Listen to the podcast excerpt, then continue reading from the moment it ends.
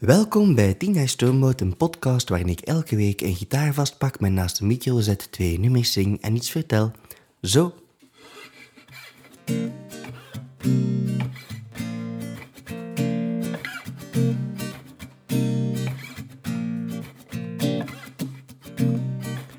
Pas 19 en al getrouwd.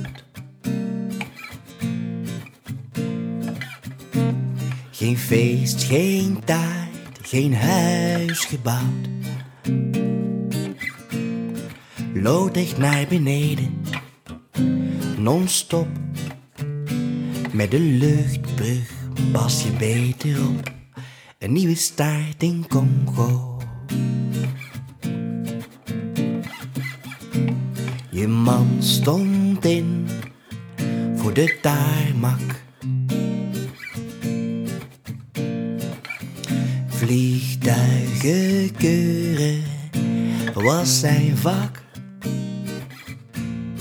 Lood echt weer naar boven, non-stop. Met een luchtbrug los je alles op. Een nieuwe start in Congo. Bitter weinig weten wij over zo'n overgrote dagen. Bitter weinig zeggen zij over het verleden niets dan vragen. Twee dochters reizen met je mee. De Congo-stroom, hun hijst aan zee. Lood echt naar beneden, non-stop. Met een luchtbrug los je alles op. Een nieuwe start in Congo. Bitter weinig weten wij over zo'n overgrote dagen. Bitter weinig zeggen zij over het verleden niets dan vragen. Alles gaat voorbij. Alles gaat voorbij. Alles gaat voorbij. Alles gaat voorbij, bitter weinig zeggen zij. Alles gaat voorbij over zo'n overgrote dagen. Alles gaat voorbij, bitter weinig weten wij. Alles gaat voorbij over het verleden, niets dan vragen. Zo, um, dit was een nieuwe start in Congo. Um, een nummer over mijn grootouders langs moederskant, die... Ja, toen dat die jonge twintigers waren, een nieuw leven zijn gestart in Congo. Um, het is de opener van de plaat Om dan naar de zee stromen, mijn vierde album. Een, een werkstuk over de tijd en hoe dat die tijd voor iedereen anders is. En mijn grootouders zijn daar een goed voorbeeld um, van, in die zin dat ik mij nooit had kunnen inbeelden om na de middelbare school, of na, na, na, ja, na de middelbare school, meteen een leven op te starten ergens in een land in de buik van Afrika, omdat ik wist dat het dan, ja, goed zou betalen. Want dat was een insteek van mijn grootouders. En waarom uh, nu dit nummer vandaag in de podcast? Wel, um, ja, het is ondertussen begin december, dus het eindejaar komt eraan. Uh, en, en dus komen de familiefeesten um, in, uh, in het vizier. En dus traditiegetrouw hadden wij altijd een familiefeest bij mijn grootmoeder, waarvan hier sprake in het nummer. Uh, maar die is dit jaar overleden. Um, en daarmee is ook mijn laatste grootouder overleden. Um, en dus gaat dat feest ook niet meer door, wat dat op zich, ja, um, ondertussen ons gezegd en gezwegen, ervan uitgaan dat er niemand van mijn familie luistert naar deze podcast, mij goed uitkomt. Uh, moest dat niet zo zijn, ja, dan is er geen familiefeest waarin dat ik ter verantwoording word geroepen, dus alles, alles komt goed.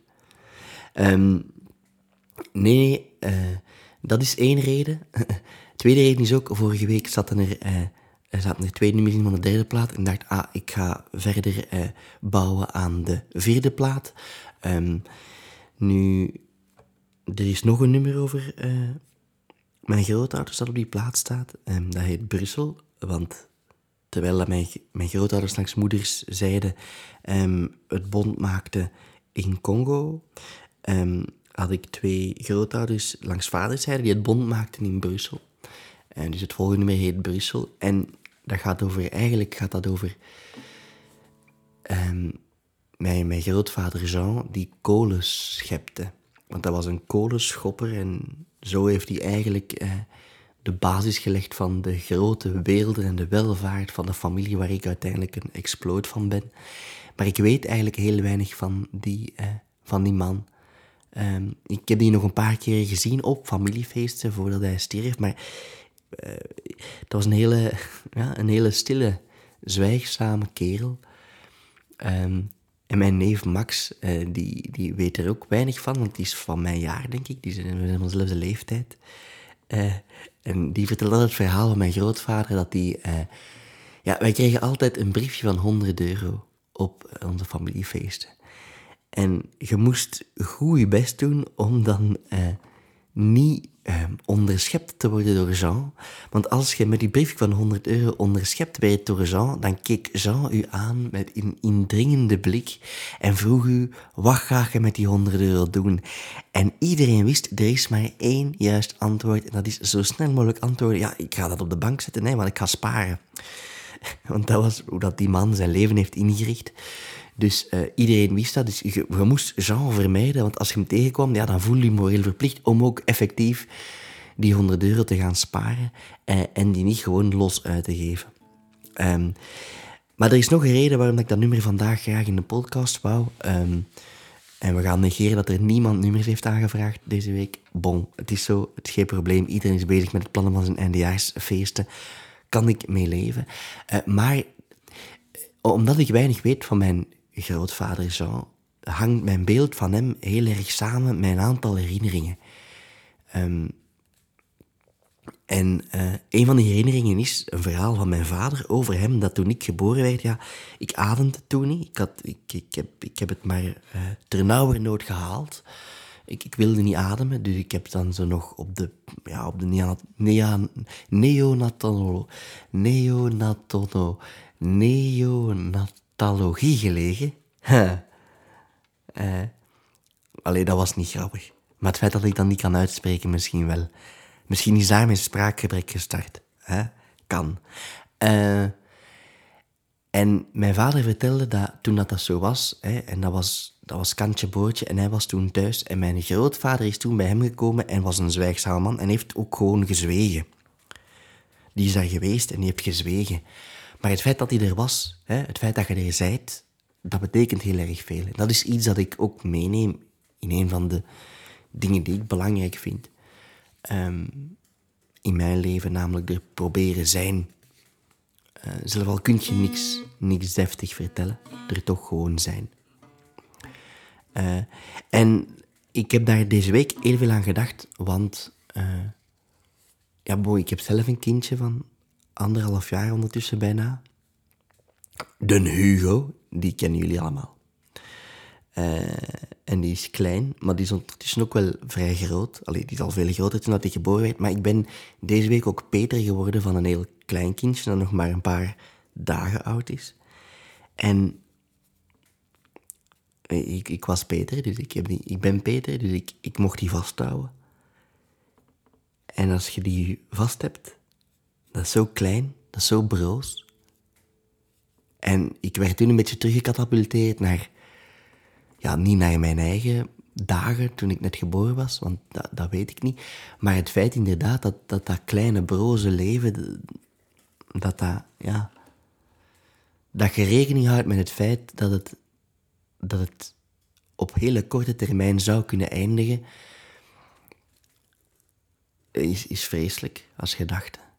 Uh, en dus zou ik graag het nummer Brussel brengen als ode aan mijn grootvader. Met de, indringende blik die je verplichtte om de honderd euro die je met kerstmis kreeg meteen op de bank te zetten om te gaan sparen, maar die ook wel zwijgzaam als hij was misschien de slimste was van allemaal door te beseffen dat je op bepaalde momenten beter gewoon niks zegt.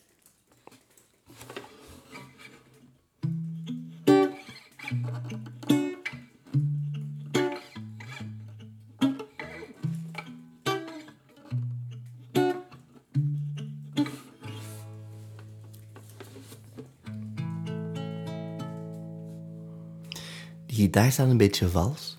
Uh, maar er is, er is iets dat...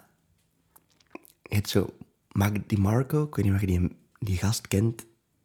Heel die zijn muziek is geniaal, net omdat zijn gitaren af en toe vals staan. Dus ik ga proberen of dat, dat dit nu eventueel de grote doorbraak van Stoomboot zou kunnen zijn. Toen ik geboren werd, ademde ik niet alsof je stoflong mijn kleine lijf verstootte. En papa zat gebroken te wachten in de tuin, een stille troost. Je was een man van weinig woorden. Zwart geblakerd schepte je je schop in het zwarte goud dat Brussel in de winter warm hield. Terwijl je vrouw de cijfers deed, met papa op haar schoot, zweeg je zacht. Je schopte voort. Je wist wat werken was, je rug voelt het nog steeds. Een kleine prijs voor liefde en voor vrijheid. Al praat je wat trager, stond je lichaam schots en scheef, je vlees en bloed kon naar de universiteit.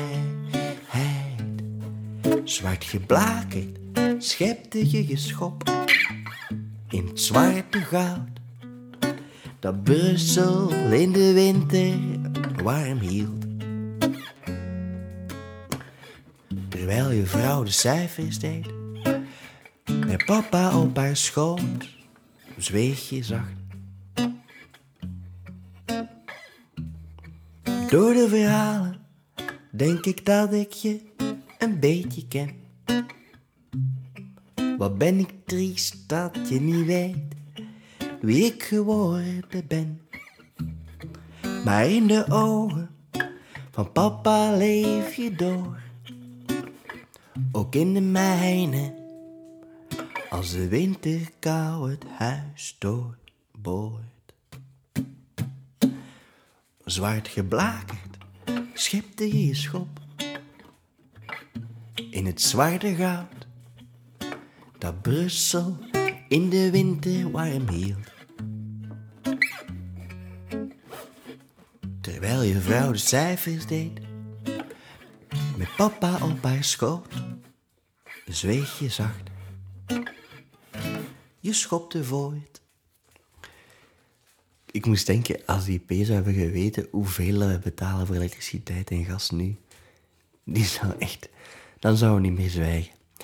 Um, goed, um, tien, dit was dit, dit was 10 jaar Stoomwoord. Ik ben met 10 jaar Stoomwoord ook op tournee. Um, vrijdag vind je me in Geel, in CC de Werft.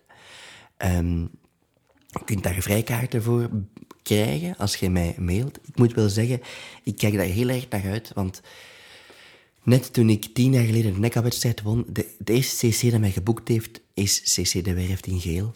Um, en die zijn mij blijven boeken. En een paar jaar geleden heb ik zelfs een soort van gecureerde avond mogen cureren, waarin dat ik vrienden uitnodigde. Uh, wat dat heel leuk was, dat was met, met Jan de Wilde, uh, met Floatval, met Mira, met Geert Verdikt van Buurman, met wie nog allemaal. Um, met Zandtand. Ja, dat was wel handig om daar zo een eigen band, een andere eigen band te kunnen zetten. Dat was wel tof. Um, dus ik kijk daar wel heel erg naar uit, want dat, dat voelt als thuiskomen in de Kempen. En ik ben niet van de campen. Eh, dus dat is, dat is leuk. Ehm, als je nog verhalen zou hebben liggen of je wilt andere nummers horen, ehm, dan mogen ze me altijd sturen. Nu, in mijn achterhoofd denk ik nog altijd aan Thomas Vos, die het volledige uiveren heeft aangevraagd, waardoor dat ik dus niet anders kan dan gewoon systematisch verder gaan. Wat dat me wel blij maakt, omdat ik dan thematische uitzendingen kan maken, zoals vandaag over mijn grootouders en de eindejaarsfeesten. Goed, um, hartelijk dank, bedankt. Hartelijk dank, bedankt. Hartelijk dank, bedankt. En tot volgende week. Yo!